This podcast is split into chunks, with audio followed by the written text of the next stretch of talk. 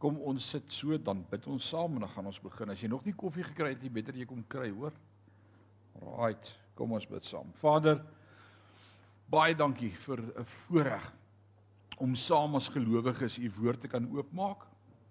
Saam uit u woord uit te kan leer, bemoedig te word, ook aangespreek te word. En soms het ons nodig om bietjie te besef die erns van die saak waarmee ons besig is. Maar u Heilige Gees is so getrou om die woord vir ons ook te breek. Ons is opgewonde oor die woord. Die woord is lewe vir ons. Dit is kos vir ons. Dit voed ons. Die brood van die lewe, die ewige lewe. En ons is dankbaar daarvoor. Word verheerlik vanaand deur u woord en ook deur ons samekoms. Is ons gebed in Jesus naam. Mense ons sê amen en amen.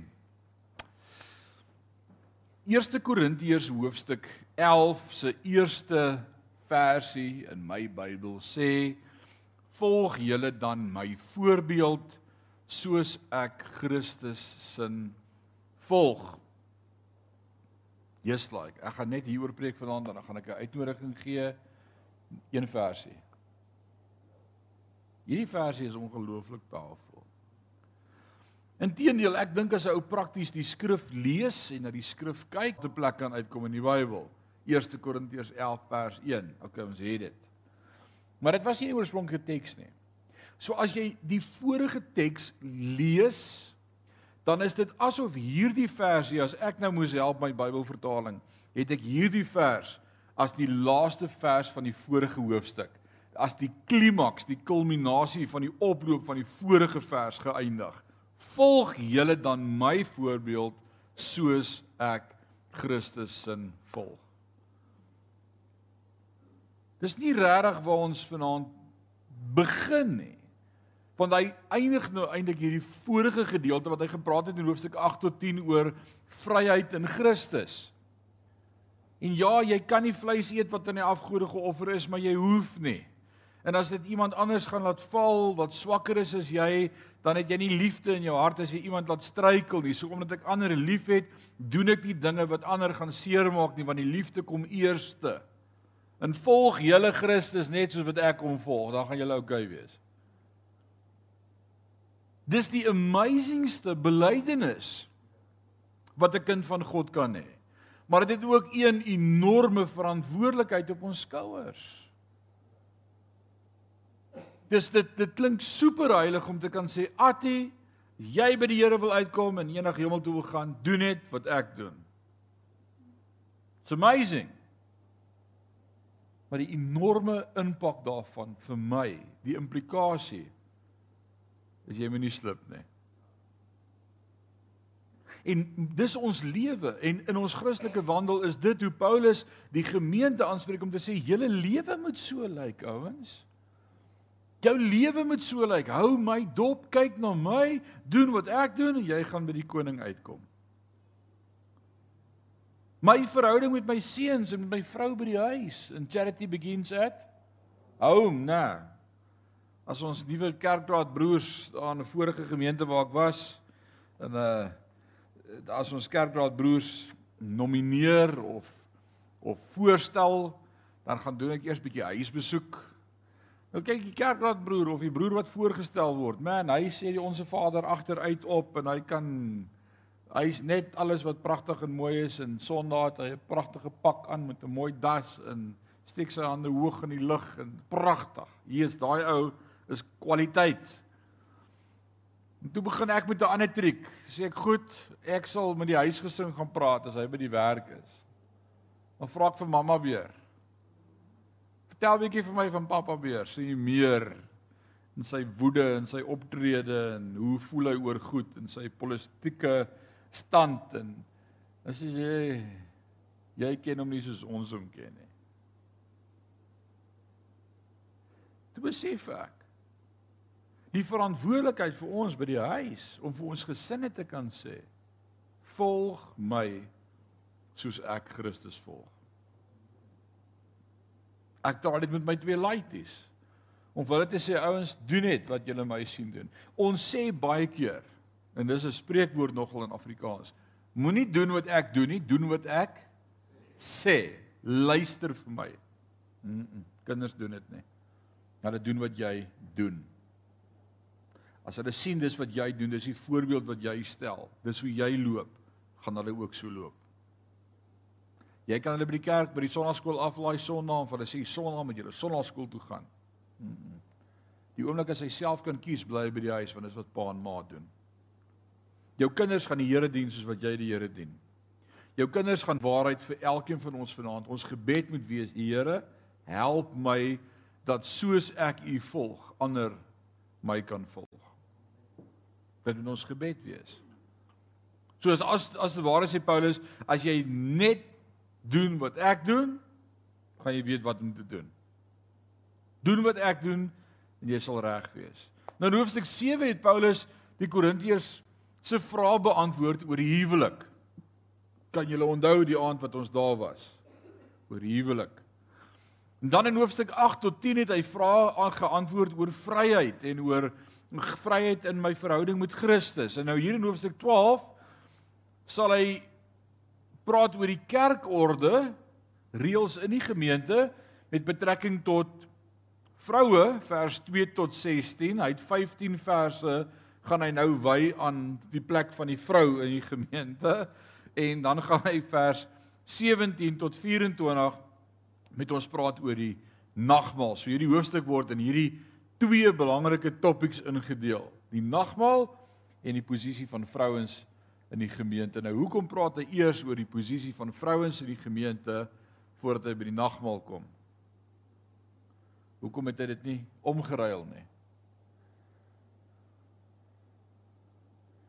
Want dis een van die goed waaroor daar so baie oneenigheid in gemeentes is. En as ons by die nagmaal gaan sit, moet daar eenheid wees. En ons kan nie by die nagmaaltafel gaan sit as daar nie eenheid in ons harte is oor sekere goed nie. So hy vat jy die taai toffee en dan kom hy by die heerlike blessing daarna. So kom ons praat namens Paulus uit Paulus se mond uit. Moenie vanaand sê ek ek niks, ek bly net by die Bybel. En ons praat oor wat sê Paulus oor gemeente opset met betrekking tot die posisie van die vrou.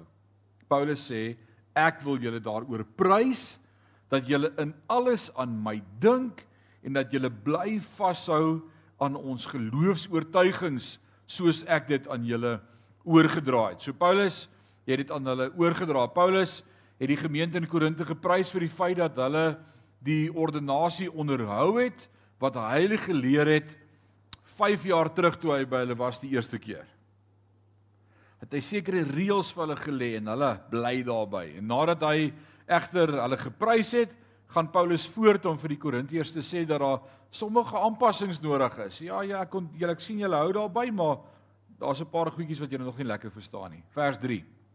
Ek wil egter hê julle moet weet dat Christus hoof is van elke man en dat die man die hoof is oor sy vrou. Nie elke vrou nie. Net sy vrou. So die plek van 'n vrou in die kerk is nie 'n kwessie of van van meerderwaardigheid of minderwaardigheid of 'n uh, 'n kleinere posisie as ander nie, glad nie, maar gebaseer op nederigheid en vryheid. Dis waaroor dit eintlik gaan. Nou, hoe weet ek dit? Lees verder. En dat God hoof is oor Christus. So hier is konteks ongelooflik belangrik. Ek kan nou hierdie versie uit verband druk en sê ek wil hê dat julle moet weet dat Christus die hoof is van elke man en dat die hoof die man is oor sy vrou. Punt. Maar dit sal 'n halwe waarheid wees. Van die vergelyking of die beeldspraak wat Paulus hier gaan gebruik is om te sê dat die man die hoof is van sy vrou en dat God hoof is oor Christus. So met ander woorde soos wat God hoof is oor Christus. Jesus het hom gewillig en vrywillig en met graagte aan die gesag van die Vader onderwerp. Oom Leon reg of verkeerd? Was dit uit dwang uit? Was dit omdat hy minderwaardig is teenoor die Vader? Was dit omdat die Vader 'n selfbeeldprobleem het en Jesus nie in sy pad moet staan nie? Nee. Dit was juis uit nederigheid uitgewees Dit beteken dat hy Filippense 2 maak dit vir ons duidelik dat hy gekies het om homself te verootmoedig. En so doen die vrou wat kies om te onderwerp aan die gesag van haar man, dit nie uit minderwaardigheid nie, maar uit nederigheid. Vroue, hier's 'n groot geheim. En ek wil nou nie op julle pik vanaand omdat Paulus op julle pik nie, maar hier's 'n groot waarheid. As jy gaan kies om jou man te respekteer as hoof van die huis, is dit nie omdat hy selfbeeldprobleme het of omdat jy minderwaardig is en nie menseregte het nie, is glad nie. Maar daar's iets in van ek verstaan ek is nederig. En weet jy wat God lig jou op? Dit dis net iets van God se wet. Vers 4 sê elke man wat met 'n kopbedekking bid of profeteer, doen Christus oneer aan.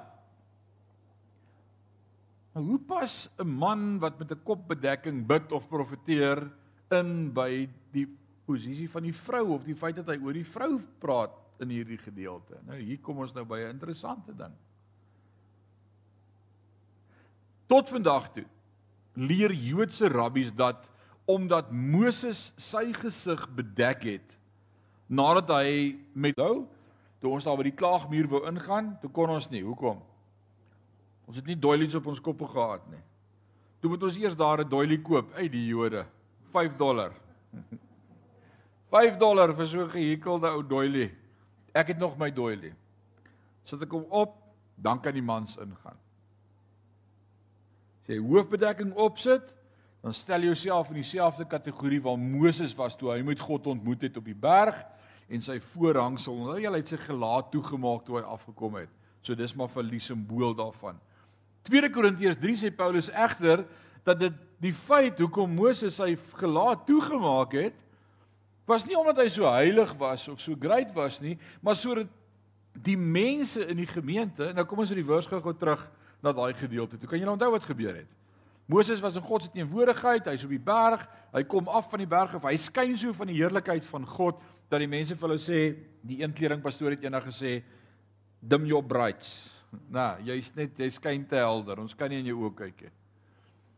En toe sê hy, "Oké, okay, ek gaan 'n ek gaan 'n voorhangsel, ek gaan 'n ek gaan 'n gordyn voor my hang, 'n voorhangsel."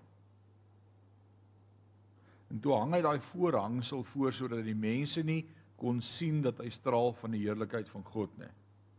Maar wil hy so 'n paar dae later toe hy die oggend opstaan, toe sien hy in die spieël ek skyn nie meer nie. Maar ek gaan maar nog steeds hierdie voorhangsel opsit. Dan gaan die mense sê, "Ooh, Moses is baie heilig." En toe hou hy aan om die voorhangsel te dra. En die mense dink nog steeds, "Joh, daai ou is vol van die Here." Maar hier binnekant het hy geweet hy skyn nie meer van God se teenwoordigheid nie. Gaan lees dit in 2 Korintiërs 3. En hy sê dat tot vandag toe nog, hier hier kom 'n interessante dinge. Hy sê tot vandag toe nog met die lees van die wet, met die lees van Moses sal God 'n bedekking oor julle sinne sit sodat julle nie kan verstaan van genade en van Christus nie. Want as jy in die wet wil vashou vir redding, is jy hart vir genade want jy verstaan dit nie. Dis 'n terrible skrif. Dis dis 'n groot teks. As jy aan die wet vashou vir redding, sê God, ek sit 'n sluier oor jou gedagtes dat jy genade nie kan verstaan nie. Want Christus en genade en die wet staan teenoor mekaar. Dis nie versoenbaar nie. Die wet is die tugmeester na die Vader. Maar dat ons 'n verhouding met hom. So net soos wat Moses dan nou hierdie voorhangsel om hom moes hang, maar nou sê 2 Korintiërs 3 vir my, dit was sodat die mense nie kon let op sy einde nie. En nou sê Paulus eintlik, 'n man moenie bid met 'n bedekking op sy kop nie. Hoekom? Wat leer Paulus nou? Onthou, eerste kerk, baie Joodse invloed, baie van die Joodse gebruike, baie van die Joodse kultuur en en en Paulus het 'n groot stryd om vir hulle te kom vertel Christus en vryheid beteken 'n paar van daai reëls kan maar gaan, los dit. Julle bid met die doilie op Ons is nie meer in die posisie waar Moses met die wet was nie. Ons is nou vry van die wet. Haal daai ding van jou kop af, man. Jy's nou in 'n verhouding van genade met God. Jy bid nie meer onder die wet nie. Kyk nou hoe mooi is dit eintlik. Maar maar hoekom sê hy dit? Want hy weet wat hy volgende gaan sê vers 5. En elke vrou. Dis waar hy wou uitkom, maar hy begin eers by die man, die posisie van die man, want hy het in die vorige vers gesê die vrouens is aan die man se onderdanig. Hulle moet hulle respekteer. So nou begin hy by die man en hy lê sommer gou die roede in en sê haal julle hoede af as julle bid. En tot vandag toe nog as ons 'n boeredag het of 'n biddag vir reën of daar word gebid, dan haal jy jou pet af. Reg of verkeerd? Was in die weermag. Jy staan op daai paradegrond met jou berei op jou kop, maar as daar gesê word ons bid, dan haal jy daai berei af. Hoekom? Want Paulus het so gesê in 1 Korintiërs 11. 'n Man bid nie met 'n doilie op sy kop nie. Die Jode mis dit want hulle mis Christus, want hulle mis vryheid, want hulle mis verhouding met hom, want hulle staan nog onder die wet. En daar moet ons oppas dat ons in ons huise en in ons verhouding met die Here en ons vryheid van Christus wil teruggaan na die Joodse gebruike toe en maar weer met 'n Charlie wil begin bid of 'n hooftoisel opsit of jou doilie op die kop sit. Jy's vry in Christus. Ons is nie onder daai stel reëls nie. Dis belangrik om dit te verstaan. Nou sê hy en elke vrou wat bid of profeteer sonder dat haar kop bedek is, doen haar manne oneer aan. Want dis dieselfde as wanneer haar hare afgeskeer sou wees. Ja, as sy weier om 'n kopbedekking te dra, kan sy ewe goed haar hare ook maar afsny. Maar aangesien dit 'n skande vir 'n vrou is as haar hare afgesny of haar kop kaal geskeer is, behoort sy 'n kopbedekking te dra. Wat beteken dit?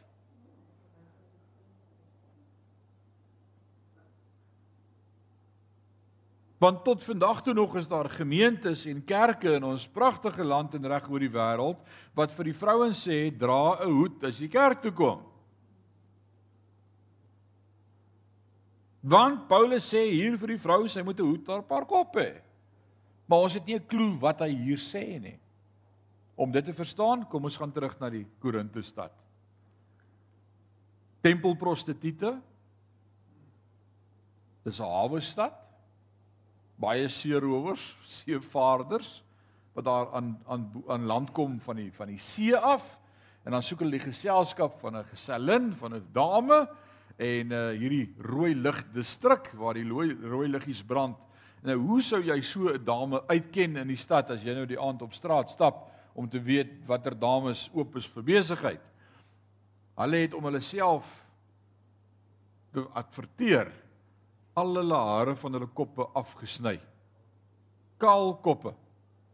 En dan jy geweet daai dames is eh, oop vir besigheid.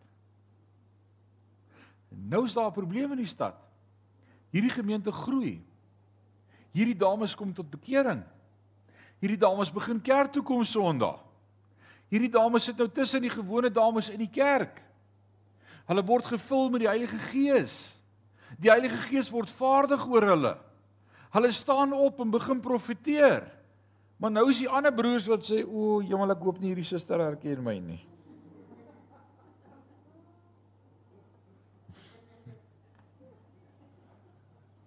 En daar's ander susters wat haar op hulle koppe het wat nie dieselfde bedryf in was as hierdie dame nie, wat sê, "Oeg, ons weet wat het sy gedoen vir 'n lewe." Maar sy's gered. En sy het by Christus uitgekom en sy's nie meer in daai lewe nie, maar ons diskrimineer. En nou sê Paulus eendag genoeg is genoeg. Al die vrouens sit 'n hoed op jou kop. Ek wil nie weet wie hare en wie nie hare nie. Ons gaan nie meer diskrimineer in hierdie kerk teen hoe ons weet wat het jy gedoen in jou verlede nie. Almal dra hoede. En by the way, as jy 'n hoed op jou kop sit, dan beteken dit vir 'n vrou, dis 'n teken van submissie. Ek onderwerp my aan my man. Ek staan onder sy gesag. Ek het nie 'n probleem met gesag nie. As my man vir my sê dra 'n hoed, dan dra ek 'n hoed. Ek sal nie dat iemand vir my sê om 'n hoed te dra nie. So die konteks vir daai gemeente was in die eerste plek sodat dames nie uitgesonder of op die spot gesit voel nie. Almal dra hoed. In die tweede plek, Dis 'n simbool, 'n teken. Ek submit aan my man. So die begrip van die kultuur is hier baie nuttig om te verstaan wat in daardie land op daardie stadium gebeur het. Vers 7: 'n Man behoort egter nie 'n kopbedekking op te hê wanneer hy aanbid nie, want hy is God se beeld en sieraad en die vrou is weer die man se sieraad. Nou hier's 'n pragtige vers. En ek dink hier's 'n awesome teks om te gebruik op troues. Want ek het nog nooit in my lewe 'n preek op 'n troue gehoor oor vers 7 van 1 Korintiërs 11 nie. Die vrou is die heerlikheid of letterlik die uitblinker, die weerspieëling van haar man. Dis wat hierdie teks sê. So man, as jy dink jou vrou is bietjie nors of sy's bietjie af of sy lyk maar bietjie moeg of sy lyk kwaad, dan wil ek jou aanraai gaan kyk jy eers in die spieël want die woord sê sy's 'n spieelbeeld van wat jy uitstraal. En nou is daar nie een man wat sê amen nie. Dis 'n eina teks hierdie. Maar het jy al ooit so daarna gekyk? Dit wat ek by my vrou terugbeleef en sien en wat my irriteer soms is juis dit wat ek uitstraal en ek kry dit net terug. En dan soek ons die fout by die vrou. Dis eintlik wat Paulus hier sê, man behoort egter nie 'n kopbedekking op te hê wanneer hy aanbid nie, want hy is God se beeld en die vrou is weer die man se beeld in sy sieraad. So as jy 'n probleem het met hoe jou vrou lyk, dis jou probleem. Nie kry vir jou nie, maar maak 'n plan. Doen iets. Ek onthou keer op keer as ek na my pa se preke mis luister en ek het julle al vertel hoe hy my Saterdag op troues gekry het. Hy moes troues doen dan dan hy die klavier laat speel, die troumars vir 'n uh, 100 randjies sakgeld. Ek het hy wou my daar hê en dan sê ek maak ek maak my prys. Ons het genegotiate. En uh, sê ek nee, ek, ek sal kom vir 100 rand, maar dan moet ek na die preek luister. So hy het my eintlik gebraai om na sy preke te luister en dit het in my hart ingeval, maar hy het iets eendag gesê in die huwelik. Ben, Shamain, kom ek vat sommer julle as voorbeeld. Ou Ben, as jy wil hê Shamain met jou by die huis hanteer soos die koning. Dis nice om 'n koning te wees, nou. aan te dra, te bedien, nice te wees. As as jy wil hê Shamain moet met jou werk soos die koning. Hier's die geheim. Hanteer haar soos die koning ging. Want dan's jy die koning. Maar as jy haar gaan hanteer soos Maria of Martha, moet jy nie wonder hoekom hanteer sy jou soos Joseph nie. En dis presies wat hierdie vers eintlik vir ons sê, Ateus dit nie so nie. Ek kan nie iets verwag van 'n vrou om uit te straal, sy's die gelukkigste en die blyste vrou op die planeet, maar ek hanteer haar nie soos die koning ging nie. Dit raak baie stil vanaand. Kom ek gaan net aan. Right. En al daai jonges daar agter sê amen. Julle moet leer. Die eerste man is immers nie uit die vrou geneem nie. Nou hier bring hy net bietjie konteks.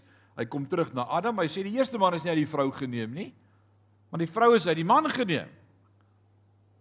Jy mou oor hoe Eva lyk like Adam, maar dis jou ribbebeen. Dis wat hy sê kom uit jou uit. Dis is jou weerspieëling, maar die man is ook nie ter wille van die vrou geskep nie, maar die vrou ter wille van die man. So hier's hierdie verhouding van wie was dan nou eers die hoender of die eier? Nee, ek ons kan dit nie met vergelyk met hoenders en eiers nie, maar hier's hierdie sinergie. Man, die vrou is sy beeld. Maar hier's 'n interessante ding, geen man is gebore behalwe uit 'n vrou nie uit 'n moeder word 'n man gebore, maar uit 'n man se rib is geneem om 'n vrou te maak. So ons het mekaar ewe nodig. Dis eintlik wat hierdie teks sê. Die vrou moet dus 'n kopbedekking op hê as 'n teken van haar man se gesag oor haar, want die engele is besig om toe te kyk en hierdie versie is 'n ongelooflike vers in die Bybel. Hy sê wanneer ons aanbid, Maar ek wil sê elke dag, elke oomblik van jou lewe Die vrou is dus 'n met 'n kopbedekking op hê as teken van haar man se gesag oor haar, want die engele is besig om toe te kyk. En hier's iets wat ek leer in hierdie versie van die engele wat ons dophou. En alles kan sien wat ons doen. Alles. Alles. Die engele sien dit. Alles. God ook. Maar hoekom is dit vir die engele so belangrik dat dat hierdie ding in die gemeente gebeur dat vrouens submit aan hulle mans, dat daar orde is? Hoekom is dit vir engele so belangrik? Want hierdie engele het gesien hoe 'n derde van die engele saam met Lucifer in rebellie teen God gekom het in opstand teen God. Hulle self verhef het bo God en gesê het ons gaan nie God aanbid nie. Kyk hoe mooi is ons. Ons wil ook aanbid word. En hulle posisie hoër gemaak het as wat God beskik het die engele se posisie moet wees en 'n derde van die engele is bestem vir die hel. En daarom is die engele baie baie baie attent daarop om te verstaan 'n vrou se posisie is ondergeskik aan haar man. Wil jy die engele bly maak in jou huis, vrou? Submit aan jou man. Submit aan jou man. En tog voor die Here is die vrou aangewese op die man en die man is weer aangewese op die vrou. Want alhoewel die eerste vrou uit haar man afkomstig was, is alle mans sedertdien uit vroue gebore. En uiteindelik is alles van God afkomstig. God is die bron. Die man was eerste, die vrou is uit die man geneem, maar uit die vrou word man gebore. So ons het mekaar nodig. Oordeel julle nou maar self. Is dit ordentlik vir 'n vrou om in 'n erediens met 'n onbedekte kop tot God te bid? Leer julle leer julle gevoel van ordentlikheid nie vir julle dat vir 'n man oneer is as hy 'n kopbedekking opsit, maar dat 'n bedekking vir 'n vrou juis 'n sieraad is nie.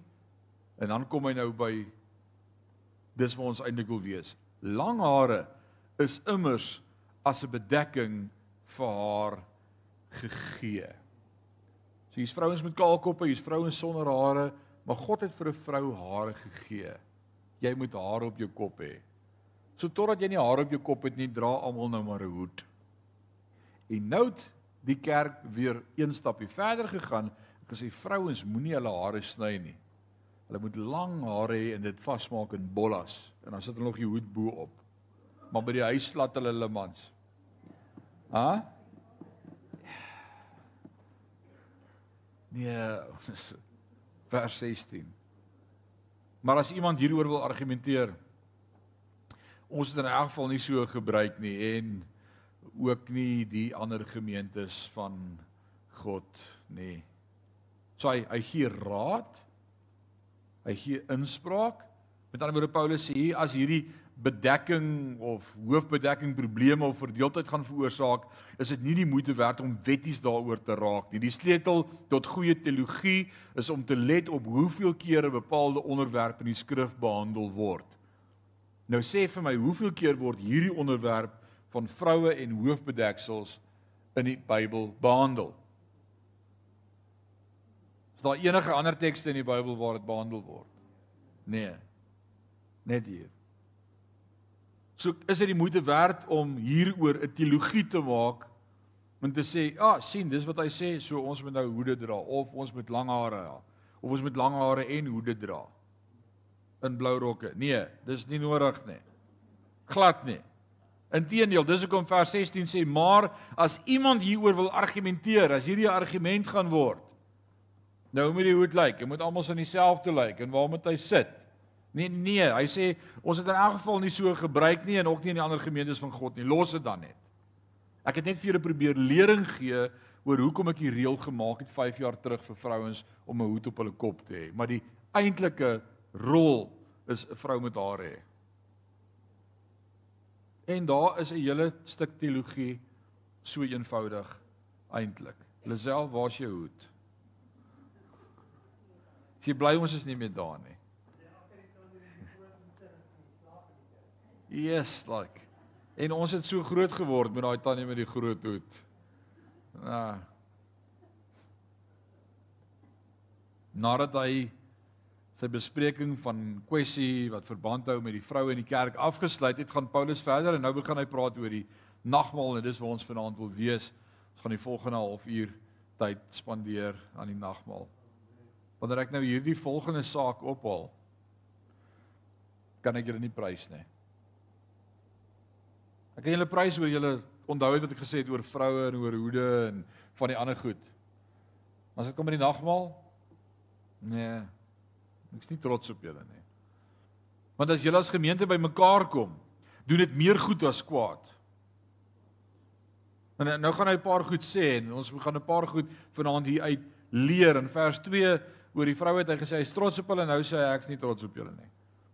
Vers 18 sê wat vir my voorop staan is dat ek verneem dat daar groeperingsforme onder julle is wanneer julle as 'n gemeente bymekaar kom. En in die mate glo ek dit nogal. Julle julle maak kliks. Ons praat nie met daai nie en en hulle sit bo. Solank hulle bo sit sal ons onder sit, dankie. Ons wil hulle net nie sien nie. Ek kry er 2, 3 jaar gelede 'n bedanking van 'n lidmaat wat sê ek kom nie meer kerk toe nie want daai mense is by jou in die kerk. En dis is maar as jy nie deel van dieselfde familie nie, moet ons nie eerder ons goed met mekaar uitsort nie. Ons het regtig makliker om na 'n ander kerk toe te gaan as wat ek Leon wil vergewe. Ek wil Leon nie weer sien nie. Ek gaan eerder na 'n ander kerk toe. Is dit is dit hoe ons moet werk as familie met mekaar? En, en nou sê Paulus ek sê daaroor. Ek sien ek sien daar's daar's groepere en daar's groepe wat vorm. Hy sê in vers 19 sulke verdeling onder julle kan selfs nodig wees in die sin dat dit sal uitwys wie die staatmakers onder julle is. As julle dan as gemeente bymekaar kom, is dit duidelik nie die Here se maaltyd wat julle eet nie.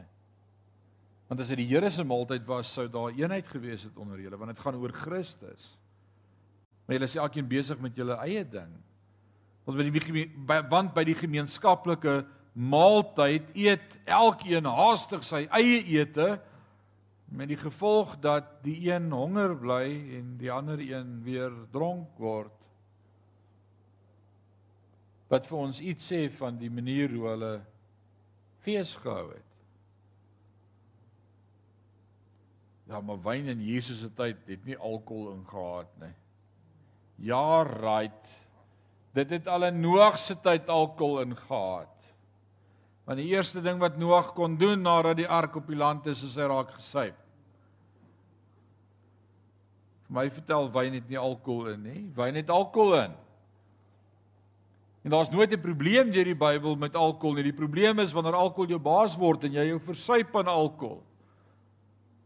En jy vark maak van jouself. En dis presies waarmee Paulus hier 'n probleem het wat vir my sê hierdie gemeenskaplike maal was 'n feesmaal. So ons het afgekondig Sondag het ons feesmaal. En elkeen bring sy toebroodjies en sy frikadelletjies en sy eiers en sy broodjies wat hy gebak het en al sy goedjies en ons gaan lekker saam as gemeente eet. Ons gaan 'n fees vier. En op daai punt terwyl ons besig is om te eet en fees te vier en almal heerlik saam te kuier en onthou die voorbeeld wat ons het van die laaste avondmaal in 1 Johannes ag in Johannes 13. Die gebruik sou wees dat hulle om die tafel sou lê, die tafel sou net so hoog gewees het, net bietjie verhef. Daar was nie stoele nie. En dan het hulle om die tafel gelê op jou linker skouer met jou regterhand het jy geëet en aangegee en dit was 'n gekuier was lekker raserig. Almal het gepraat. Dit was nie hierdie doodstil, niemand mag iets sê nie. Dit was 'n dit was 'n remoer, dit was 'n kuier, dis 'n fees. Ons celebrate die lewe in Christus. En soos wat hierdie voedsel vir my liggaam lewe bring, so het hy vir my lewe gebring. O oh man, cheers, shorts. Maar nou sê hy hier kom 'n probleem. Want omdat jy partydig is is en en die Maries wil nie hier langs die van 'n Westhuizen sit nie en die van 'n Merwe sit daar agter en, en en ons wil nie ons goed share met mekaar nie en Attie het nou net sy een hennetjie se drie eiers gebring vanaand vir hulle as ete, maar Leon gaan nou daai hele brood alleen opeet. Nou eet hy vinnig want hy wil nie sy brood share nie. En, en ek sien hier's nie liefde in die gemeente nie. Julle julle share nie, dis eenmaal. Maar julle is nie besig om te share nie. Nou die spreekwoord sê mos sharing is caring.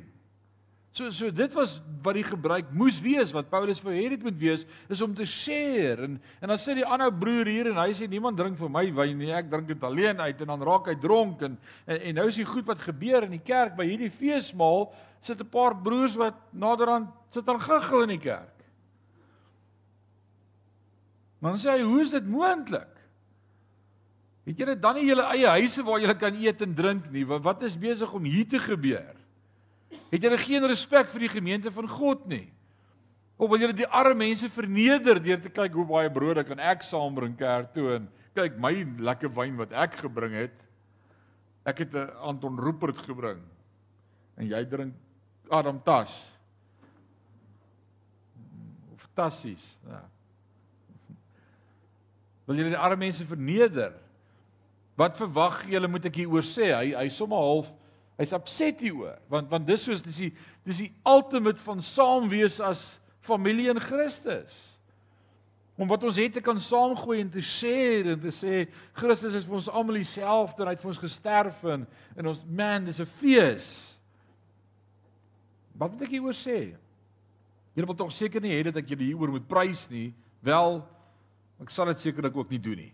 Hy hy's hy's redelik upset hieroor. Nou nou verstaan jy toneel en ek het dit redelik al duidelik. Paulus het vir 18 maande in die Korinte gemeenskap deurgebring en die Korintiërs gelowiges daagliks geleer vir 18 maande. En dan vir 5 jaar was hy weg, maar hy het hulle geleer oor die Agape fees, die fees van liefde. Dis dis wat dit is, 'n Agape fees. En Paulus het dit ingestel as 'n tyd wanneer gelowiges hulle maaltye op 'n gemeenskaplike plek sou deel waar hulle saam aan die nagmaal sou deelneem. En dit het niks meer as 'n dronke geselligheid geword nie. Dis nou 'n party ek vind Paulus se beoordeling uiters interessant want in baie indien nie die meeste kerke vandag nie is die nagmaal presies die teenoorgestelde daarvan. 'n somber hartseer sad. Niemand mag iets sê nie. Doodstil, is nou nagmaal. Sartseer. Ek stel voor dat die rede hiervoor te wyte is aan die klem wat geplaas word op die proses van hoe Jesus doodgemaak is eerder as op die doel van hoekom hy vir ons gesterf het. As ek elke keer die proses van hoe Jesus doodgemaak moet word gaan hoor, dis sad. Maar as ek met die nagmaal hoor, wat het Jesus vir my gedoen deur sy dood en wat het hy vir my bewerk en wat wat is die voordeel van hoekom hy gesterf het? Dit bring iets in my hart van ek wil skree en ek wil bly wees en ek wil begin dans en ek wil sê loof die Here. Dis wat die nagmaal moet wees en dis wat Paulus wou hê die nagmaal moet wees. Het Jesus bedoel dat die nagmaal hierdie sad en solemn occasion moet wees? Ek stel voor dat Jesus se bediening vir ons nie so seer is dat ons sy pyn sal onthou nie, maar dat ons opnuut onsself sal verbaas oor die wins en die voordeel en die gevolg van die voltooide werk van die kruis, wonderbaarlik, heerlike, totaal vry van die krag en die straf van sonde in die ewige lewe, 'n ewigheid saam met Christus. Dis dis hoop, dis great. Dis 'n celebration. So dit in gedagte gehou, Kom ons by hierdie gedeelte wat ons die voorbeeld kry van die nagmaal en wat Paulus weer hier vas lê en ons vind dit vers 23 tot 26. Dit wat ek van die Here self gesê het en wat ek destyds aan julle oorgedra het, net soos ek dit ontvang het. In die nag waarin Jesus verraai is, het hy die brood geneem. En nadat hy gedank het, het hy dit gebreek en gesê: "Dit is my liggaam Dit is vir julle. Gebruik dit ter herinnering aan my. En net so het hy die wynbeker na die maaltyd geneem en gesê, die die watse beker? Die die wynbeker, nie die druiwesap nie. Nou kom ons sê net gou vir mekaar 'n paar goed hier wat belangrik is om te sê. Ek is oortuig dat by die nagmaaltafel wyn 'n ongelooflike waarde het.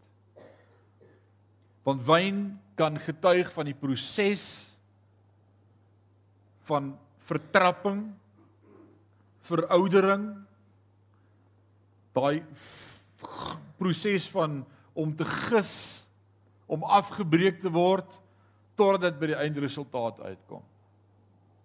Dis die proses van wyn. Druiwesap kan nie daarvan getuig nie.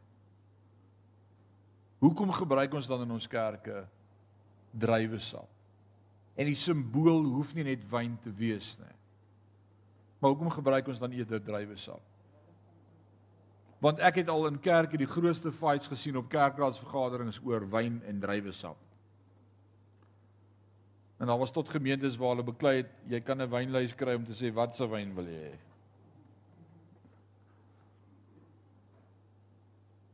Hier's die eenvoudige rede hoekom ons druiwesap gebruik en nie wyn nie. Om Leon in sy vorige lewe voor hy die Here ontmoet het ongelooflik baie gedrink.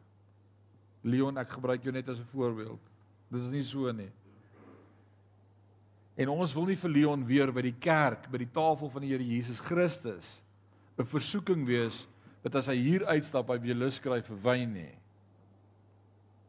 en omdat ons hier almal in ag neem en nie weet waarmee elkeen gesukkel het in sy lewe nie, is dit wys om eerder druiwesap te gebruik en niemand te laat struikel nie. Ja, maar dit moet wyn wees. Die vorige hoof 3 hoofstukke het daaroor gegaan dat as ek Leon liefhet, ek hom nie gaan laat struikel nie. Dit is eenvoudig, ouens. Was jy in jou huisgesin alleen by die huis is? En julle ken mekaar of jy en jou vriende of 'n familie Kersfees, ons gebruik nagmaal. Jy gebruik wat jy dink jy kan gebruik. Dis 'n fees. Dis 'n fees, 'n celebration. Net so by die wynbeker na die maaltyd geneem en gesê hierdie beker is die nuwe verbond wat verseël is deur my bloed. Gebruik dit elke keer as jy daaruit drink ter herinnering aan my. Want elke keer as julle hierdie brood eet en uit hierdie beker drink, verkondig julle die Here se dood totdat hy kom.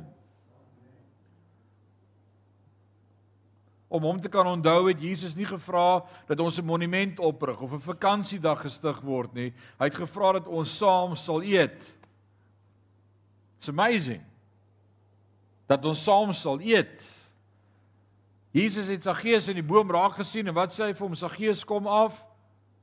Ek gaan vandag by jou eet. Ek wil 'n maaltyd hê. Maak vir my kos. Dis dis awesome. Valse disippels by die see van Galilea in Johannes 21 nadat hulle gaan visvang, het roep hulle en wat sê hy vir hulle? Kom, ek het vir julle brood gebak en vis gebraai op die kolle. Just like Wat het die mense hom genoem in Matteus 11 vers 19? Die vyande praat van Jesus en hulle noem hom 'n vraat en 'n wynsuiper. As mense hom soek, is hy besig om te eet.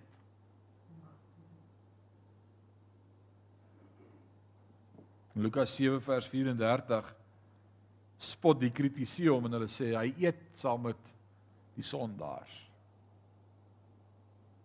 Daar was iets in Jesus waarmee hy connected met mense wanneer ons eet. En dan in die laaste aand in die boefretrek, die laaste keer wat hy en sy disippels saam is, gooi hy vir hulle 'n party. En hy sê ons eet saam. Kry die prentjie, die Here is besig om te eet.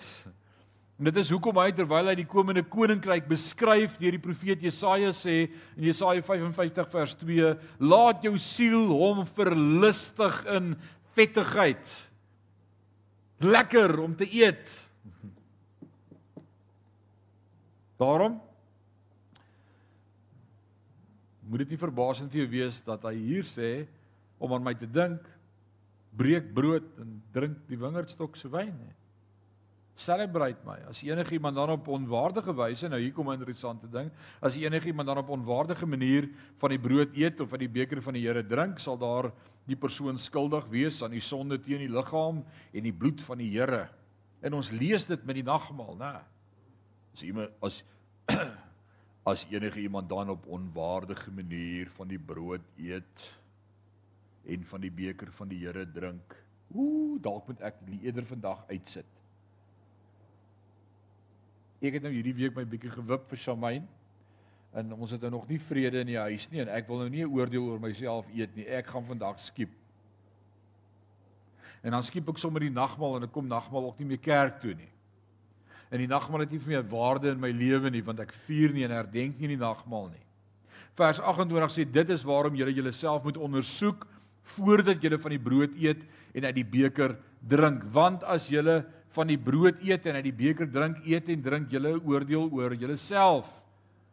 En as julle die nie nodige respek teenoor Christus Christus se liggaam betoon nie, dit is waarom baie swakkes en siekes onder julle is en heelwat onder julle reeds oorlede is. En op grond van hierdie gedeelte dink baie ons gaan eerder dan uitsit en maar worstel met my versoeking totdat ek weer reg is.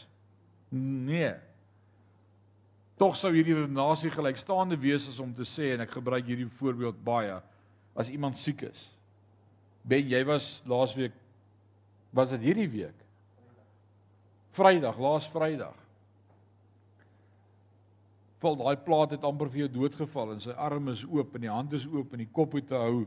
En dis so goed, Shamaine sê Ben ons moet jou dokter toe vat en jy sê ek kan nie dokter toe gaan nie, ek is net te siek dat ek net eers beter word dan gaan ons is dit nie die dokter se werk om jou te help dat jy beter word nie. Jesus ek is so siek, ek voel nie lekker nie. Kom ons vat jou dokter toe. Nee, nee, ek sal later gaan dat ek net eers gesond word. Is dit hoe jy redeneer daaroor? Jesus ek is nou so siek, maar ek moet net eers gesond word, dan kan ek dokter toe gaan. Nee, nee, ek ek dink nie so daaroor nie. 'n Leningsbeampte wat vir 'n persoon vra, "Het jy 'n lening nodig?" En hy sê ja, ek het ek het regtig geld nodig, maar laat ek net eers geld in die hande kry, dan sal ek met jou kom praat. Dis regtig? Dis dan hoekom ek hier is.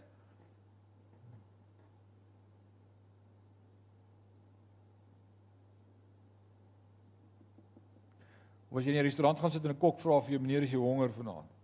Sê jong, ek is nou so honger, maar wag net so 'n bietjie laat die honger net weggaan, dan sal ek bestel. Maak nie sin nie, doen dit. Die nagmaaltafel is Jesus se uitnodiging om te sê kom dat jy gesond kan word. Kom dat jy kan eet. Kom dat jy kan groei. Kom dat jy kan oorwinning kry oor jou sonde. Kom dat ons hierdie saak kan uitmaak. Ek het vir jou gesterf. Daar's 'n ewige lewe. Celebrate dit. Jy is vry. Die tafel is die enigste plek waar 'n persoon wat worstel met sonde juis kan kom sit. Juis kan kom praat en sê Here, ek het u brood nodig in my lewe. Ek eet van die liggaam en drink van die bloed wetende dat ek vergewe is. Dankie. Ek vier wat u vir my gedoen het. Paulus sê omdat jy die nagmaal nie waardeer nie, omdat jy nie waarde gee aan die nagmaal nie, Dis hoekom mense swak is en siek is en sommige reeds gesterf het. Daar moet waarde vir jou wees aan die nagmaal. Te dikwels het 'n nagmaal niks meer as 'n betekenislose tradisie of ritueel geword nie. Baie bly dus by die huis en en en bly in hulle geestelike swak toestand. Ons is die eerste generasie en die geslag in die geskiedenis wat nie die nagmaal meer beklemtoon nie. Ek het groot geword met die gesegde dit is soos die nagmaal op krom draai. Want nagmaal Sondag was almal by die kerk. Wie het so groot geword? En die ou mense het met hulle perdekarre nagmaal dorp toe gery, dalk 'n dag reis ver. Die perde daar uitgespan, hulle het die heel dag kerk gehou, nie een diens nie, nie 'n uur nie. Wie wie was al in so 'n diens gewees? Hoe lank kon so diens aan aanhou? Baie lank. Ure. Louis? Ure. Dan het hulle gebreek, dan het hulle saam geëet. Almal het kos gebring. Daar's vleis gebraai, daar's spitbraai. Almal het saam gekuier. Dan het hulle sommer weer kerk gehou. Dan moet die kinders sonnaarskool toe gaan. Dit was een hele dag 'n fees as kerk Christus se verlossingswerk vir ons aan die kruis. Wat se waarde in die nagmaal vandag in kerke? Eat and run sê Louis. Ons gaan geestelik deur droë tye en tog sal ons nie kerk toe kom om die nagmaal te ontvang nie. Sal nie 20 minute neem saam met ons gesinne om te gaan sit om die waarde van die nagmaal te herdenk nie. Ons word swakker en maarder geestelik, geestelik minder krag omdat ons nie daarin slaag om die nagmaal 'n noodsaaklike deel van ons geestelike lewe te maak nie. So as ons vanaand saam gaan nagmaal gebruik, een dis 'n fees. Dis 'n fees. Dis nie net 'n ou stukkie brood in 'n ou kelkie. Dis 'n fees. Elkeen moet 'n loaf kry. Toe ek vanmiddag vir die ouens sê ons gaan vanaand nagmaal hou, toe vra Shaun kan ek jam bring. Dis die attitude wat ons moet hê. Ons gaan fees vier. Maar ons wag op mekaar en ons share met mekaar en ek vat my ou bietjie en ek deel dit met jou want ons is saam een in Christus en jy het waarde vir my. Jy het meer waarde vir Christus as ek sê die woord met ons vir mekaar, die een met die ander een meer ag as homself. Dis waaroor die nagmaal gaan, daar moet eenheid wees. Nou vers sê vers 21 as ons onsself egter vooraf ondersoek, sal ons nie onder God se oordeel kom nie. Maar self as ons God se oordeel in dissipline moet verduur, sal ons nie saam met die wêreld veroordeel word nie. En soms is dit nodig om God se dissipline te verduur. Soms word ons getigtig, ou Ben. Soms gaan ons deur die vuur oond in ons lewe. Soms beleef ons dinge wat nie lekker is nie, maar weet jy ou Ben, ek vat dit eerder nou as wat ek eendag saam met die wêreld die sonde straf moet dra. Christus het vir my gesterf, ek is sy kind. Ek verduur dit. Daarom, my broers en susters, as julle vir die maaltyd van die Here bymekaar kom, wag vir mekaar. Let op mekaar. Dink aan mekaar. Kyk vir mekaar. As jy werklik honger is, gaan eet eerder semoesas voor die tyd in die bidkamer. Gaan eet liewer vooraf by die huis sodat jy nie oordeel oor jouself bring wanneer jy by mekaar kom nie. Die ander kwessies sal ek hanteer as ek by julle kom. Die nagmaal is 'n celebration. Dit herdenk ons en vanaand is die sentrale waarde en die betekenis van die nagmaal Jesus Christus is vir my gebreek. Sy liggaam is vir my uitmekaar geskeur. Dis die proses. As ek dit vanaand eet, dan word hierdie sy vlees. En as ek vanaand daaraan deel het, ons almal eet van dieselfde brood. Ou wil jy ons het 'n een eenheid, ons is 'n bond vanaand, ons bevestig ons is broers. Ons is broers, ons is in die Here. Ons eet dieselfde brood. En daar moet ons baie keer eers vrede maak voor ons van die nagmaal geëet. Moet jou vrou in die oë kyk en sê sorry, vergewe my. Ek kan nie so met jou maak soos Anna by die huis nie en wil jy ek moet die koning wees nie. Die Here praat met my, ek gaan my hart verander. Gee my weer draai. Maar Here, dankie dat U my help dat ek oorwinning kan kry. Dat U reeds vir my gesterf het om die oorwinning vir my te gee. Dankie vir Christus. En dis wat hierdie broodjie beteken vanaand. Nou ek gaan jou nooi. Terwyl die musiek speel, ek gaan vir ons bid. Ons is klaar. En ek wil nie jy moet loop nie. Ek wil jy moet vanaand nagmaal gebruik. Maar jy gaan vanaand vir jouself hier voor. Nou kyk hier's hier's hier's 'n spyskaart. Hier's 'n ronde brood, hier's 'n boerbrood, hier's 'n kaasbrood. Waar is die rogbrood? Jy kom breek vir jouself 'n stukkie brood af. My dietitian sê ek moet rog. Dis baie gesond. Jy kies jou brand. En dan vat jy 'n kelkie. Hey, hier's 'n hier's 'n mooi iets wat jy vanaand kan doen as die Here dit op jou hart lê. As die Here dit op jou hart lê.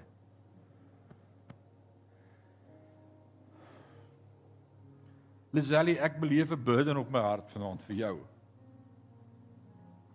Beleef jy het 'n las wat jy op jou skouers dra. Terwyl ek bedien vanaand, sien ek dit.